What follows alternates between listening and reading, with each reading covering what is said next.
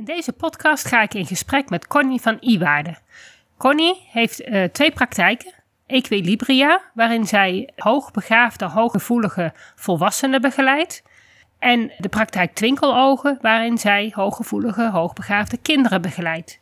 Zij doet dat door het inzetten van verbeeldingskracht, waarmee je jezelf of je kind kan helpen. Zij geeft in deze podcast heel veel tips hoe je er zelf mee aan de slag kan gaan en laat je ontdekken dat er inderdaad mogelijkheden zijn om jouw leven zoals jij dat leidt en waar je tegen bepaalde problemen aanloopt, waarbij je het heft in handen kan nemen en kan zorgen dat je gewoon lekkerder in je vel komt te zitten. Veel plezier met deze podcast.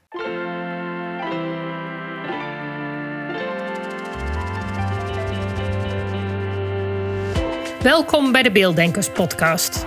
Ik ben Natasja Esmeijer van Beeldig Brein en de schrijfster van het boek Beelddenkers als kwartjes vallen. Ik neem jullie mee in de wereld van de beelddenkers. Beelddenkers zijn creatieve, intelligente en zorgzame mensen, maar ze hebben moeite met onze vluchtige, snelle maatschappij. Dat begint al op school en het werkt door in het werkende leven.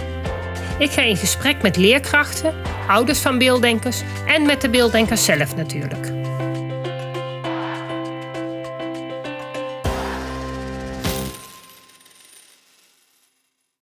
Welkom allemaal bij de Beelddenkers podcast. Uh, vandaag gaan we het hebben over verbeeldingskracht. En verbeeldingskracht die je kan inzetten om jezelf of je kind te helpen. En uh, wie daarover gaat vertellen, dat is Connie van Iwaarde. Welkom Connie. Ja, dankjewel Natasja. Leuk dat ik uh, mag aanschuiven deze keer. Ja, nou welkom. kun je wat over jezelf vertellen? Wie ben jij? Zeker. Nou, ik ben Connie Veriwaarde. Ik heb een eigen praktijk in Apeldoorn. En binnenkort verhuis ik naar Heerde. Dus dan uh, zit ik op een andere plek, maar nog steeds in Gelderland. Um, ik begeleid uh, hoogbegaafde en hooggevoelige kinderen en volwassenen naar meer balans in hun leven.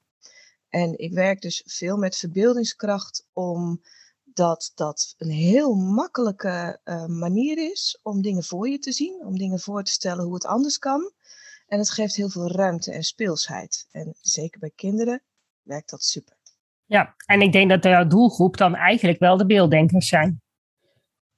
Ja, dus dat zou je denken. Um, en dat is in feite wel zo. Maar wat ik wel merk is dat soms um, door alles wat mensen meemaken, uh, dat bepaalde deurtjes op slot gaan in de hersenen.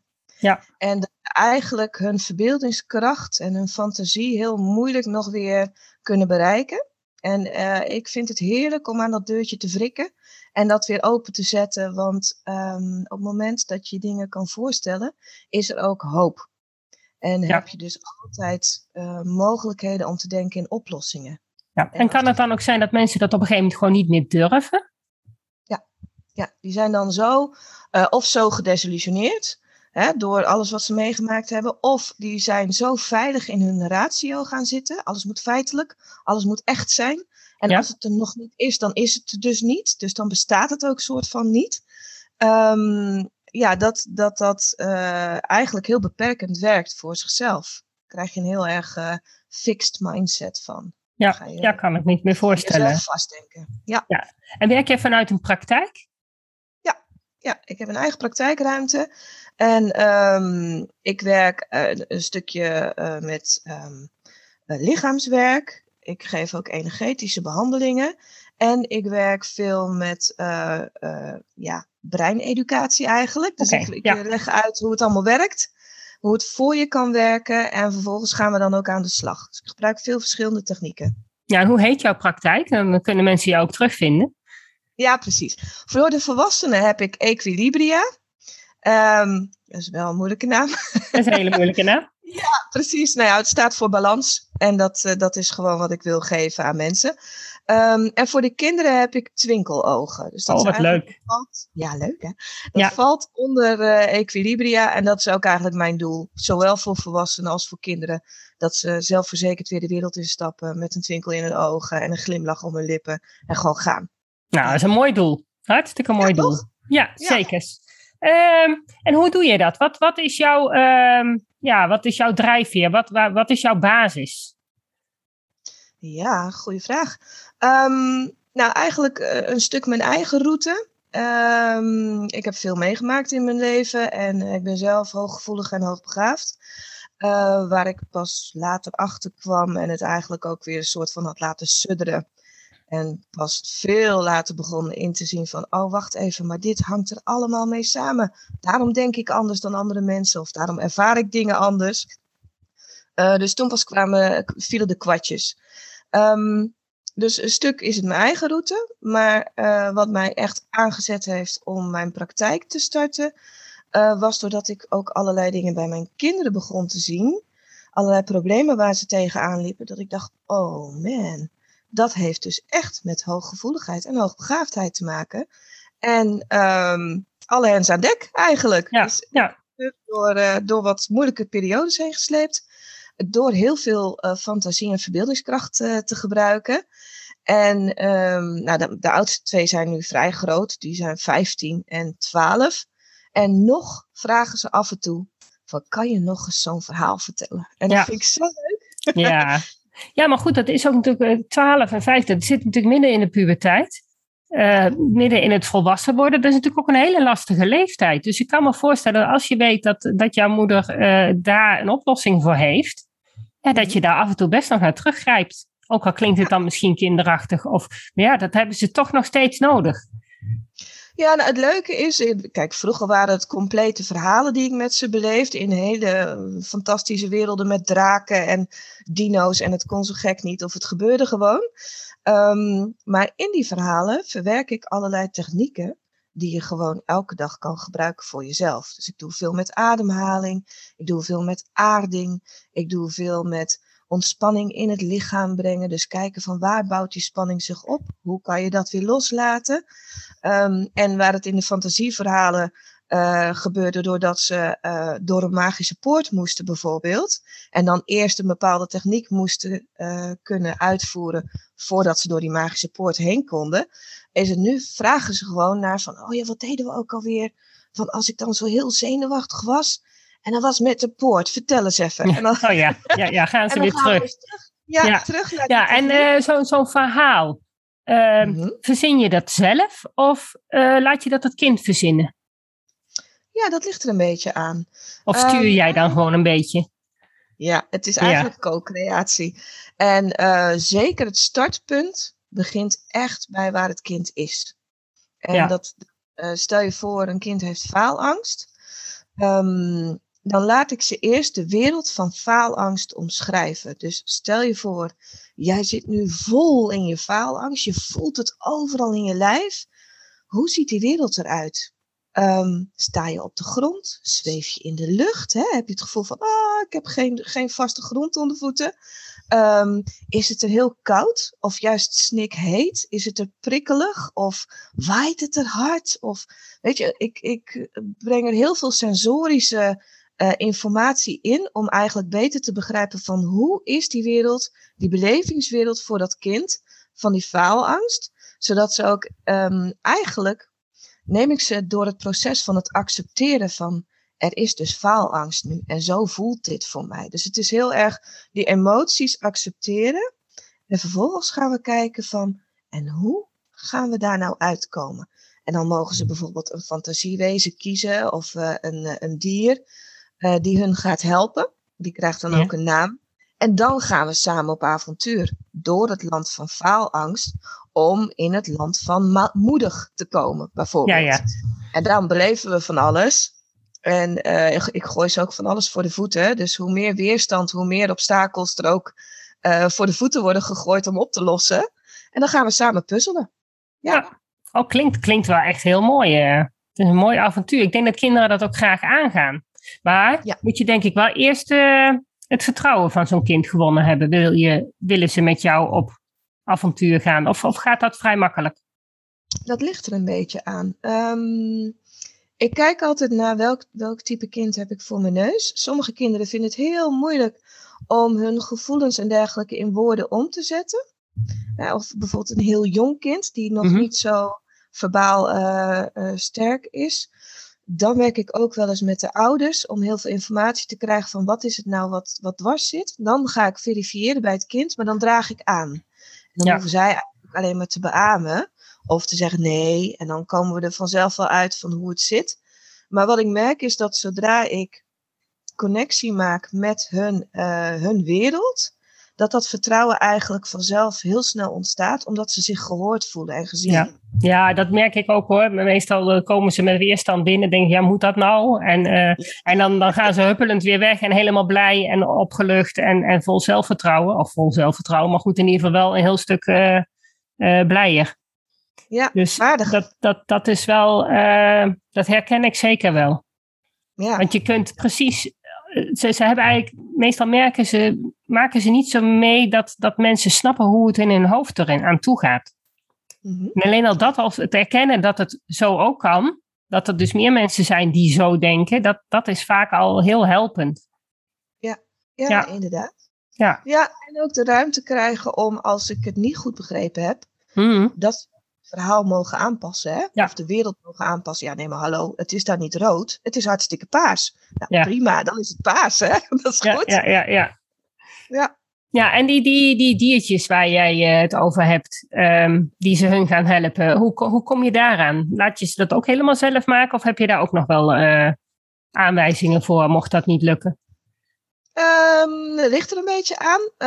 Um, vaak laat ik ze zelf kiezen, maar ik werk ook wel met krachtdierenkaarten. Dus dan mogen ze gewoon of blind een kaart trekken, of ze mogen er eentje uitkiezen. Um, en wat ik zelf altijd inbreng is uh, Fruffy. Fruffy is een hartendiertje, dat is een knuffelbeestje. Daar heb ik ook knuffeltjes van. Um, en die gaat ook altijd mee, want Fruffy vertegenwoordigt het gevoel. En die maakt het gevoel zichtbaar. Okay. Uh, dus op het moment dat wij op het tocht zijn en het wordt spannend, en ik zie bij het kind dat de spanning oploopt, hè, ademhaling wordt hoog, of de, de vuisten worden gebald, of ze beginnen te wiebelen of heen en weer te wippen, dan weet je van, oh, oké, spanning loopt op, dit is moeilijk voor ze, of ja. hè, ingewikkeld. Um, dan gaan we naar Fluffy toe en dan gaan we kijken naar hoe voelt Fluffy zich nu? Hé, hey, kijk nou, hij is helemaal blauw en hij staat te trillen. Wat is dat toch? Volgens mij is hij een beetje bang. En dan gaan we kijken van wat heeft Fluffy nodig om zich weer goed te voelen, zodat hij verder kan op het avontuur. Dus dan laten we echt het kind stilstaan bij die emotie. Hmm. Maar ik laat het kind dus ook suggesties doen om Fluffy te helpen. Ja, en eigenlijk helpt het dan zichzelf. Juist, ja. ja, dat is het. Ja. ja. Dus zo, ja, eh, heel divers. Ja. Ja. ja, en als je nou, uh, dat zijn kinderen. Um, Als je nu met volwassenen aan de gang gaat, want ik neem aan dat je daar niet met Fruffy uh, aankomt, of hebben die ook nog wel Fruffy nodig? Soms eigenlijk wel. Nee. Denk het wel, hè? Dus ik denk dat er genoeg volwassenen zijn die het prima vinden. Ja, nee, die gebruik ik niet. Wat ik wel doe is, uh, ik werk met volwassenen veel met visualisaties. Ja.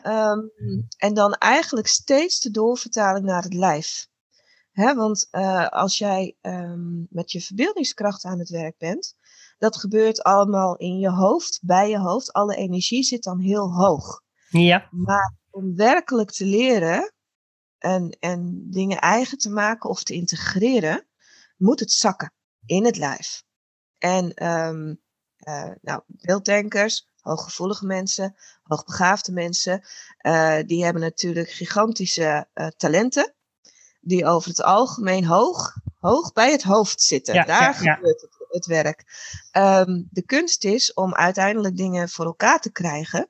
Uh, moet er een balans komen. Dus moeten ook dingen zakken in het lijf. En uh, daarmee doe ik dus veel oefeningen, um, veel ademwerk. Um, maar ook wel eens dat ze dingen gaan tekenen. Uh, ja, hè, dus ja. dat het echt uitkomt, dat wat in het hoofd zit, laat het er maar uitkomen. En dan uh, komt er natuurlijk ook een stukje perfectionisme om de hoek kijken. Van moet ik dit nu gaan tekenen? Ik kan helemaal niet tekenen, weet je, dat soort dingen. Um, uh, brengt eigenlijk heel veel aan bod, heel veel naar boven, waar we dan ook gelijk mee aan de slag kunnen. Ja. Ja. Ja. Ja, ja, tekenen doe ik ook heel veel, ook met kinderen hoor. Heel mm -hmm. veel tekenen, ook gewoon om, om juist die verbeelding die ze als kind vaak nog hebben, uh, een beetje te, te temmen. Want het kan ook in de weg zitten als je te veel. Als je in de klas zit, ja, dan moet je dus inderdaad in je lijf bezig zijn. Gewoon met die ene som. Dat hele kleine stukje. En voor beelddenkers is dat heel lastig om zich te concentreren op dat hele kleine stukje. En als je dan gaat tekenen, dan, breng je, dan haal je je eigen fantasie weg. Maar ga, kun je makkelijker concentreren op daar waar je mee bezig bent. Ja, ja, Dus dan, eens. eh, ja. En je brengt het in de realiteit. Ja, Dus daarom. Dat is ook fijn. Ehm, ja, ik, ik zie daar eh, eh, veel in gebeuren. Ehm, wat ik zelf mooi vind, is op het moment dat we bijvoorbeeld een heel fantasieavontuur hebben beleefd. En daar allerlei angsten hebben overwonnen. Of belemmerende gedachten hebben overwonnen. Of dat soort dingen. Dan ga ik daarna spelletjes doen om het ook te laten zakken. Ja. Dus om echt, hè, stel je voor, het thema is eh, je veilig voelen en gedragen worden. Dat is vaak bij bijvoorbeeld een geboortetrauma aan de hand. Of hè, eh, eh, vaak in die eerste jaren, waardoor het kind eigenlijk steeds een beetje blijft zweven. Het zijn vaak kinderen die ook veel op hun tenen lopen, maar ook volwassenen.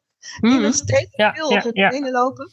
Of bijvoorbeeld als ze op een stoel zitten, dat ze niet hun voeten plat op de grond zetten, maar bijna altijd of hun knie of hun voet onder hun, eh, hun eh, billen trekken. Hè, dat, dat ze Ah, opgevouwen zitten. Of dat ze bijvoorbeeld eh, steun zoeken aan de poten van hun stoel. Dus dat ze daar hun voeten achter haken. Dat is ook een Ehm, stukje reflexintegratie, hè? Wat jij nu benoemt. Ja, hangt allemaal samen. Ja, hangt daar wel mee samen, denk ik. Ja. Ja. Klopt. Nou ja, het verwijst ook heel sterk naar de karakterstructuren van Reich. Eh, dat is een, eh, een, de grondlegger eigenlijk van de psychotherapie. Ehm, en die heeft eigenlijk gezegd van nou, zodra je geboren wordt, of eigenlijk als je al in de buik van de moeder zit, dan eh, tot aan de, nou, een jaar of zeven, acht, heb je een aantal fasen te doorlopen in je ontwikkeling. Ja. En ehm, daarin heb je altijd dat je dingen meemaakt die krasjes op je ziel geven. Zo noemt hij dat. ja.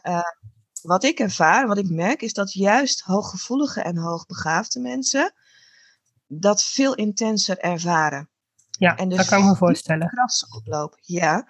En vervolgens dus veel sterker die karakterstructuren in hun leven hebben geïmplementeerd. Want een karakterstructuur is eigenlijk een ehm, gedrag, een copingmechanisme, zo moet je het Ja. noemen. Dus gedrag om om te gaan met moeilijke situaties. En daar zitten eh, een aantal hele mooie kwaliteiten vaak eh, in vergrendeld. En daar zitten een aantal, nou, schaduwkanten of eh, drempels in, waardoor je ook weer heel erg belemmerd kan worden. En de kunst is dat je dat, zo'n karakterstructuur, dat je weet dat je hem hebt, dat is al één, bewustwording. Ja. En ten tweede, Ja. dat je dus flexibel wordt, dat je je niet ermee vereenzelvigt. Hè, je hebt die karakterstructuur, je Ja. bent het. Ja, dus ja dat dat je je, kan hem wel gebruiken, maar je hoeft hem niet te gebruiken. Juist, ja. En je kan Ja. dus ook anders, anders gedragen. En Ja. dat is een heel stuk ook, hè, dat je dus vanuit overtuigingen ehm, eigenlijk daaraan gaat peuteren van, ja, dat is nu je overtuiging, maar probeer het dus op een andere manier en ga eens kijken hoe dat dan voor je werkt. Ja. Vaak zit je zo vast in een bepaald gedrag dat je niet meer komt tot andere wegen. Nee, maar je hebt Ja. natuurlijk gewoon een vaste structuur in je leven. Zo doe je het nu eenmaal. En zo heb je het altijd gedaan. Dus ja, waarom zou je het opeens anders doen? Is ook niet zo makkelijk. Is niet makkelijk, maar als je vastloopt, dan is het Ja, dan- zo eh, Dan, dan is het wel fijn om, om daar handvaten mee van te krijgen. Van ja, hoe moet ik het dan? Hoe kan ik het dan doen? Hoe moet het? Ja. Nee, dat, dat is voor iedereen anders. Hoe je het moet doen. Precies, ja. Ja, Ja, en de, en de kunst is om daar dan die vrijheid in te voelen. ja. En dat is ook waar verbeeldingskracht dus heel erg in kan helpen. Hè? Door eigenlijk eerst in een hele veilige fantasiewereld te zijn waar alles kan. Ja. Waar alles mogelijk is. Ga je daar experimenteren en vervolgens pak je daaruit van, oh wacht even, maar dat kan ik eigenlijk in het dagelijks leven wel zus en zo doen. Dus die vertaalslag naar de werkelijkheid, naar dagelijks leven, naar dagelijks gedrag, daar zit hem de kneep. Ja, dat is het belangrijkste. Ja. Ja, en ik denk dat als je als kind, kinderen zijn nog heel flexibel, zitten nog volop in hun ontwikkeling. Dus Mhm. die passen zich eigenlijk continu aan. Ja. Dus als je als kind dit al eh, mag, eh, gecoacht mag worden, dan heeft dat natuurlijk ontzettend veel effect op de rest van je leven. Ja, dat klopt. Dat klopt. En ehm, zeker als het kinderen zijn die bijvoorbeeld eh, eh, al heel vroeg van alles hebben meegemaakt. Ehm, om een voorbeeld te geven, uh, een kindje dat veel te vroeg is geboren, gelijk in een couveuse is gegaan, waar de ouders niet erbij mochten of maar een uurtje per dag.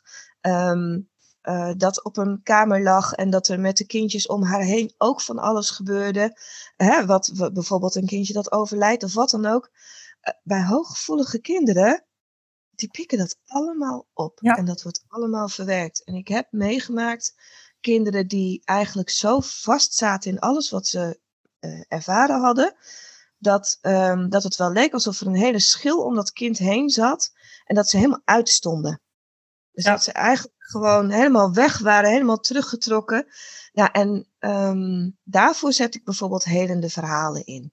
Dus dan ga ik echt met de ouders van, oké, wat is er allemaal gebeurd? Dan gaan we naar kijken.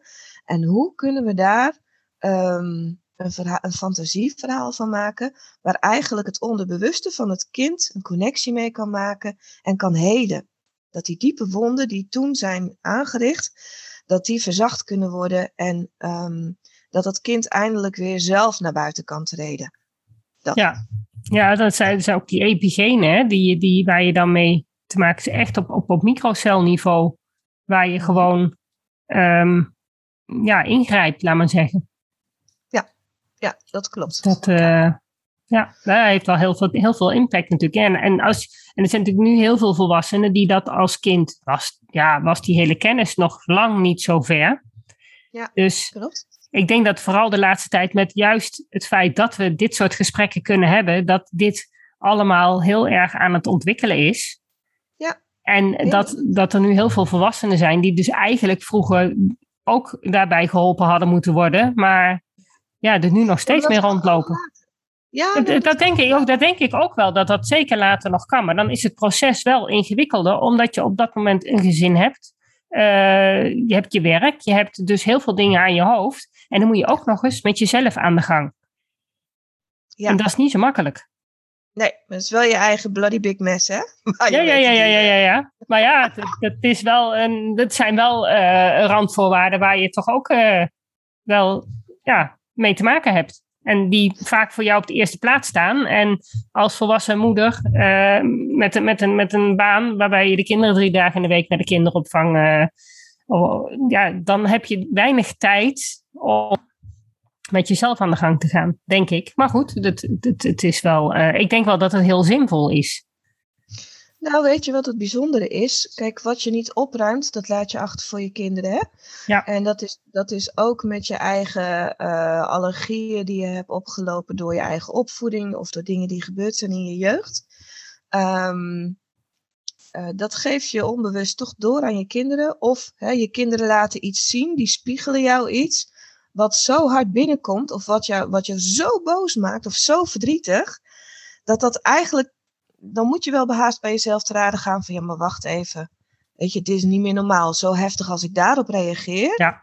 dat is iets van mij. Dat, dat, daar, daar moet ik zelf iets mee. Nou, zulke moeders heb ik heel veel in mijn praktijk. Ja. En daarmee, en dat is dus het super fijne aan als je volwassen bent, en ook al uh, bijvoorbeeld kinderen hebt, maar dat hoeft niet per se. Maar als je volwassen bent, dan gaan we eigenlijk innerlijk kindwerk doen. En dan gaan we ook in geleide visualisaties oude kindstukken opzoeken. Dus jouw eigen innerlijk kindje opzoeken. En kijken, wat heeft dat kind nodig? Wat draagt dat allemaal voor mij? En um, eigenlijk word je dan een beetje zelf de moeder of vader voor jouw innerlijke kindje. Ja. Dus jij gaat als volwassen ik um, de behoeften van jouw innerlijke kind vervullen, zodat dat innerlijke kind niet zo hoeft op te vlammen in situaties die triggeren. Ja, dat, dat dan uh, eigenlijk heel je je eigen innerlijke wonden, zodat op het moment dat je weer in dergelijke situaties komt, dat je het wel ziet, wel merkt, maar dat je niet zo heftig raakt, dat je er meer je weg in kan vinden. Nou, dat is, dat is wel heel mooi. Ja, zeker. En dat, dat ja. hoeft ook niet super veel tijd te kosten hoor. Dat is okay. meestal een paar sessies en dan verder uh, gaan ze daar zelf mee aan de slag. Bijvoorbeeld, nou ja, met tien minuutjes uh, per dag even schrijven. Of um, uh, wat veel mensen doen is dat ze een afspraak maken met hun innerlijke kindje. Van als ik s'avonds ga slapen, dan mag jij voorlopig bij mij in mijn armen komen liggen. Oh dan ga je op je zij liggen, sluit je dat innerlijke kindje in, in je verbeelding in Mhm. je armen en dan ga Ja. je gewoon lekker slapen. En het- dat klinkt misschien heel vaag en heel ehm, abstract. En sommige mensen hebben ook echt bijvoorbeeld een kussen of een knuffel nodig Mhm. om echt Ja, ja, ja, ja. te hebben.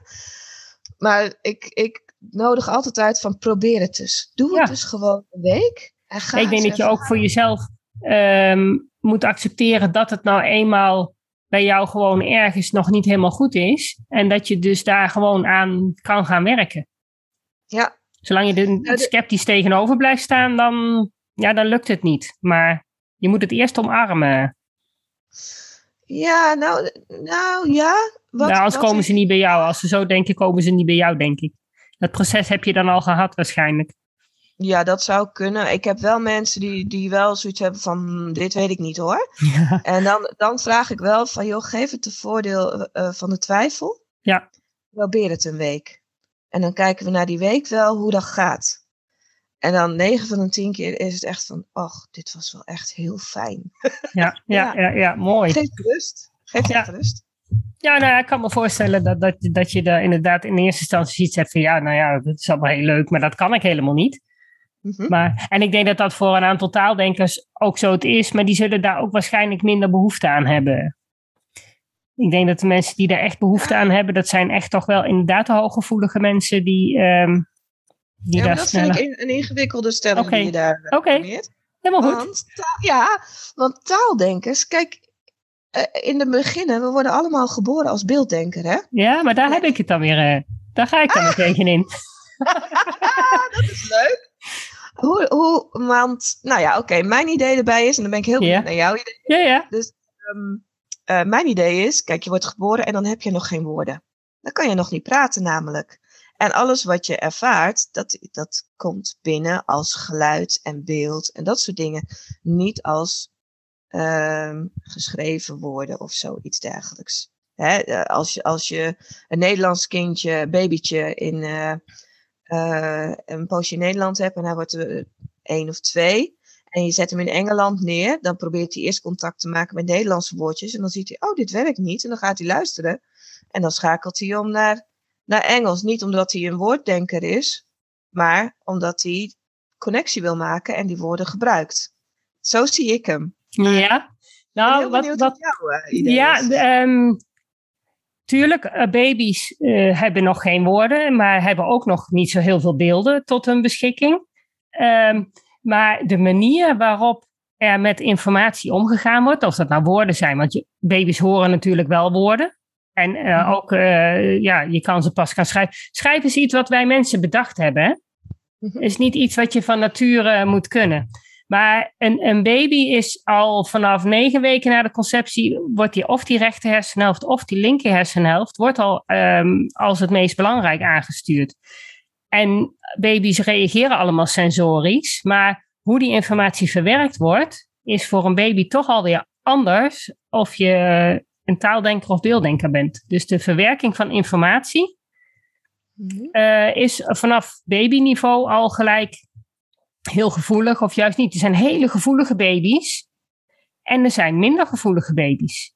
En daar zit echt al wel verschil in. Wat niet wil zeggen dat die eh, later taaldenkende baby's geen, die zijn ook sensorisch ingesteld. En die kunnen ook die taalgebieden, ehm, eh, dat, dat taal, dat, maar dat, dat staat daar los van. In mijn Maar, optiek. Dus, Oké, dus ik probeer het nu even te begrijpen hoor. Dus als je. ehm, welk percentage eh, van alle mensen is dan volgens jou beelddenken? 20 Staat dat procent.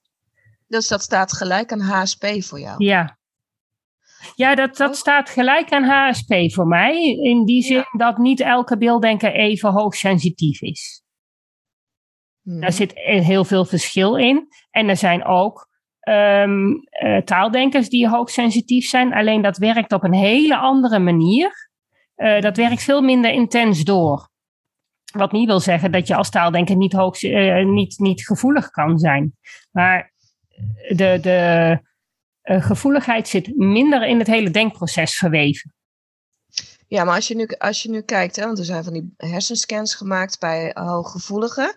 En dan zie je ook op het moment dat ze informatie verwerken, dan zijn er veel meer gebieden in de hersenen die oplichten dan bij uh, niet hooggevoelige mensen. Is dat dan ook wat jij ziet bij beelddenkers? Is dat dan één op één gelijk? Ja, nou, één op één is misschien een beetje. Je hebt altijd van die, van die twijfelgevallen. Ja, um, uh, ja, ja maar dat, dat is gewoon zo. Elk mens is anders. Maar je hebt wel, uh, de, de, de grootste groep hooggevoelige mensen zijn beelddenkers. Ja. Dat is echt met elkaar verweven. En dat is als kind, als baby al, zit er al een verschil. Wat niet wil zeggen dat taaldenkende baby's, die, hebben ook, die zijn ook gevoelig en die, zijn, die werken ook met hun uh, sensoren. Dat, die informatie komt wel. In principe, het, het lichaam werkt wel hetzelfde. Alleen de hersenen werken er anders mee. Dan moet je maar eens bij uh, meneer Kagan kijken. Die heeft dat ook um, onderzocht. En die heeft dat inderdaad uh, met zo'n met zo'n mobiel bij zo'n baby van vier maanden. Had hij er een heleboel van. En hij had er inderdaad zo'n 20% haalde hij dus die hooggevoelige kinderen eruit. En diezelfde kinderen heeft hij dus later nog een keer onderzocht.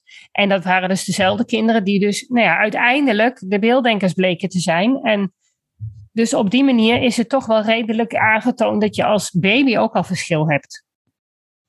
Ja, ik geloof zeker dat je wel verschil hebt, maar ik, wat, um, voor mijn gevoel, kijk, uh, zit daar ook nog een stuur op. Hè? Als in, uh, ik ben heel erg voor balans. Mhm. Balans in alles. Dat is ook mijn levenslange uitdaging hoor. Daarom vind ik het zo belangrijk. ja, ja, ja. ja. Um, maar om, om je weg te vinden in die intensiteit of in, in het beelddenkersstuk, uh, uh, um, is het fijn om elke keer die verbindingen te kunnen leggen met ook hè, de andere delen van je hersenen. Jazeker. Enzovoort, enzovoort, enzovoort. Um, dus ja. Uh... Nou, ik denk dat wij eh, als taaldenkers dat die ook die balans nodig hebben. Alleen, Juist. het probleem is dat uh, bij beelddenkers is de balans slaat vaak veel te, te ver door naar de gevoeligheid. Waarbij bij taaldenkers juist doorslaat naar juist te weinig gevoeligheid dat daar het gevoel niet automatisch in het denkproces uh, verweven zit. Ja, en dat, dat, weet, dat, dat vind ja, ik. Dat dus zit er ook wel bij hoor. Maar, en dat is, maar dat ligt er ook een beetje aan. Kijk, je wordt ouder en op een gegeven moment als volwassene heb je alle twee je hersenhelften die gewoon volledig geïntegreerd zijn. Dus om echt het verschil tussen taaldenken en beelddenken, die zit uh, ja, ergens op de lagere school. Daar zit het grootste verschil.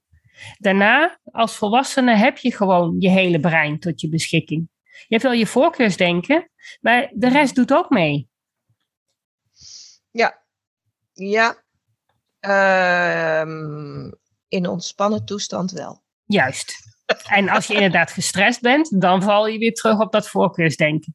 En er zijn heel veel mensen die gewoon hun hersenen redelijk in balans hebben, nog steeds wel voorkeursdenken hebben, maar gewoon heel goed gebruik kunnen maken van ook die eigenschappen van de andere hersenhelft. Dat is niet zo dat ze het niet doen.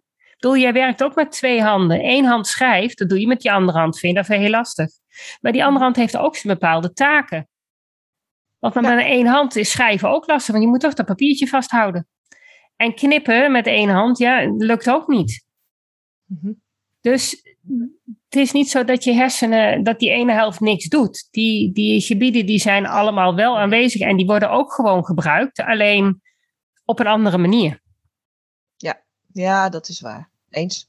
Ja, ja wat, wat ik merk is dat um, uh, zeker volwassenen die ik in de praktijk krijg, uh, die, die vertellen dan over, eigenlijk een beetje met, met een beetje ja, weemoedig vertellen ze dan over hun jeugd en dat ze zoveel fantasie hadden en, en eh, heel veel droomden, hè, dagdromen en dat soort dingen. En dat dat allemaal uit is gegaan. Dat het allemaal niet meer werkt. Um, en dat ze eigenlijk gewoon helemaal vastzitten uh, in, ja, in hun ratio. Dat dat eigenlijk hun enige veilige plek is geworden, omdat dat dan nog soort van geaccepteerd wordt uh, hier in de maatschappij. En dat voor die gevoeligheid en voor dat dromerige, dat daar gewoon minder ruimte voor is. Er is weinig ruimte voor. Het ligt er misschien ook een beetje aan wat voor werk je kiest. En hoe je leven loopt en wat voor mensen je tegenkomt. Er zijn natuurlijk wel. Uh, en opvoeding. en opvoeding en nou ja, school. Wat voor, wat voor leerkrachten tref je? Er is natuurlijk heel veel variatie in. Dus hoe, hoe het uiteindelijk voor iemand uitpakt, het is van zoveel factoren afhankelijk.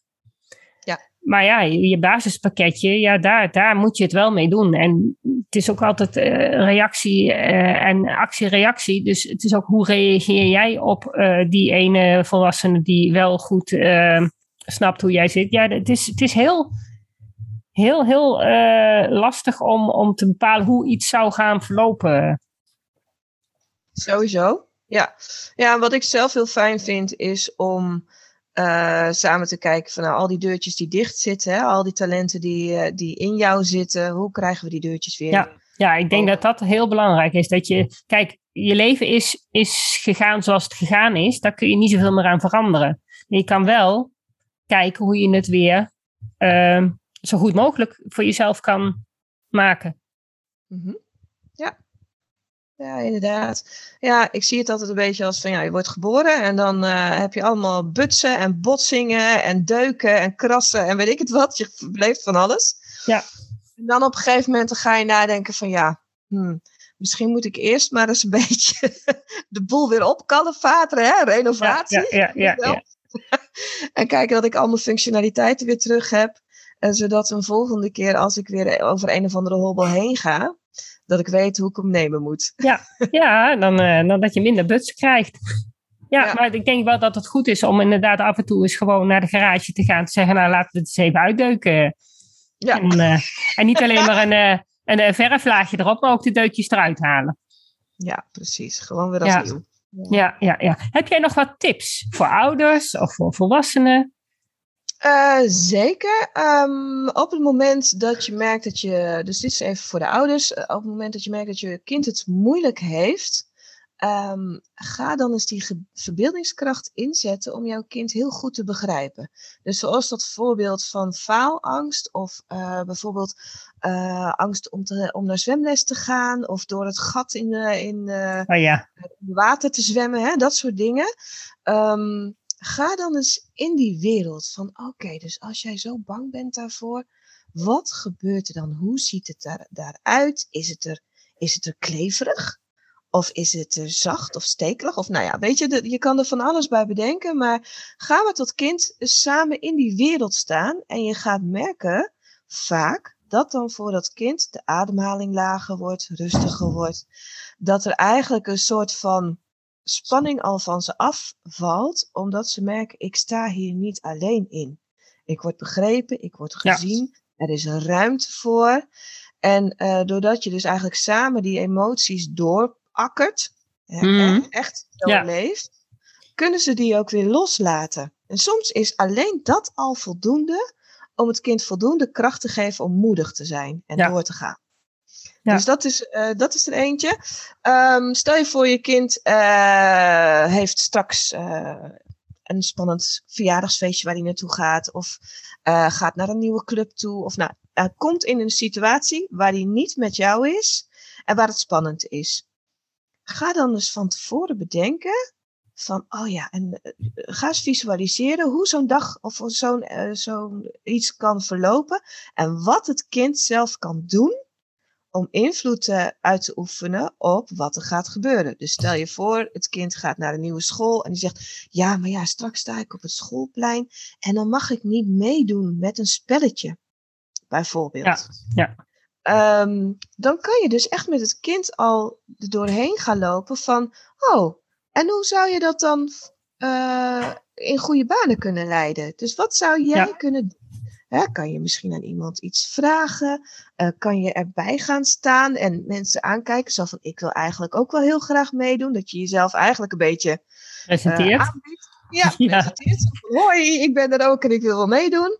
Um, of wat je bijvoorbeeld kan doen, is zeggen van nou, is er een krachtdier die jou kan helpen. Dus waar jij Ja. aan kan denken, die, die jou door de dag heen helpt. En eh, soms eh, is dat een heel grappig beestje, een marmotje of een eh, molletje of een, nou ja, bedenk het maar. Soms is het een heel moedig beest, hè, een grote leeuw of een wolf, die ze dan bij zich hebben. En dat op het moment dat ze voelen van, oeh, nu, nu vind ik het spannend worden, Dat ze even denken, oh ja, maar mijn leeuw is bij me. En die Ja. geeft mij leeuwkracht. En dat ze dan weer durven te gaan. Ehm, dus die, even kijken. Ja? Eh, ja, wat, wat heel prettig is, is op het moment dat een kind veel emoties heeft, ehm, eh, maak ze dan echt sensorisch. Dus waar voel je het in je ja. lijf? Welke kleur heeft het? Welke vorm heeft het? Als het zou kunnen praten, dat gevoel, wat zou het dan tegen jou zeggen? En wat heb je dan nodig, of wat heeft het gevoel dan nodig, om weer rustig te worden? En wat is dan het allereerste kleine stapje dat we nu kunnen zetten? Dus dat is er eentje. Ehm, haal dingen naar je lijf. Dus op het moment dat je een avontuur hebt beleefd in een fantasiewereld en het thema is eh, je angst overwinnen, ga dan daarna bijvoorbeeld spelletjes doen waar het kind eh, van iets hoogs afspringt en in je armen springt. Hè? Oh ja. Oké, Ja. je, kan, je kan de sprong wagen Mhm. en ik vang je op en je wordt Ja. gedragen, je wordt opgevangen, je bent veilig. Dus dat je eigenlijk lichamelijk nog een keer heel duidelijk bekrachtigt wat je in dat fantasiespel al hebt eh, bedacht samen. Ja, ja.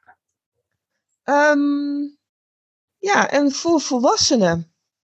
Ja, kijk eens, eh, hè, die kunnen ook heel goed dingen visualiseren. Dus op het moment dat je eh, spannende situaties ingaat, hè, ehm, zet jezelf dan eens in die situatie en dan de beste versie van jezelf. Wat zou die doen? Ja. Hoe Ja. zou die zich Ja, gedragen? ja. Hoe, welke houding zou je aannemen? Hè?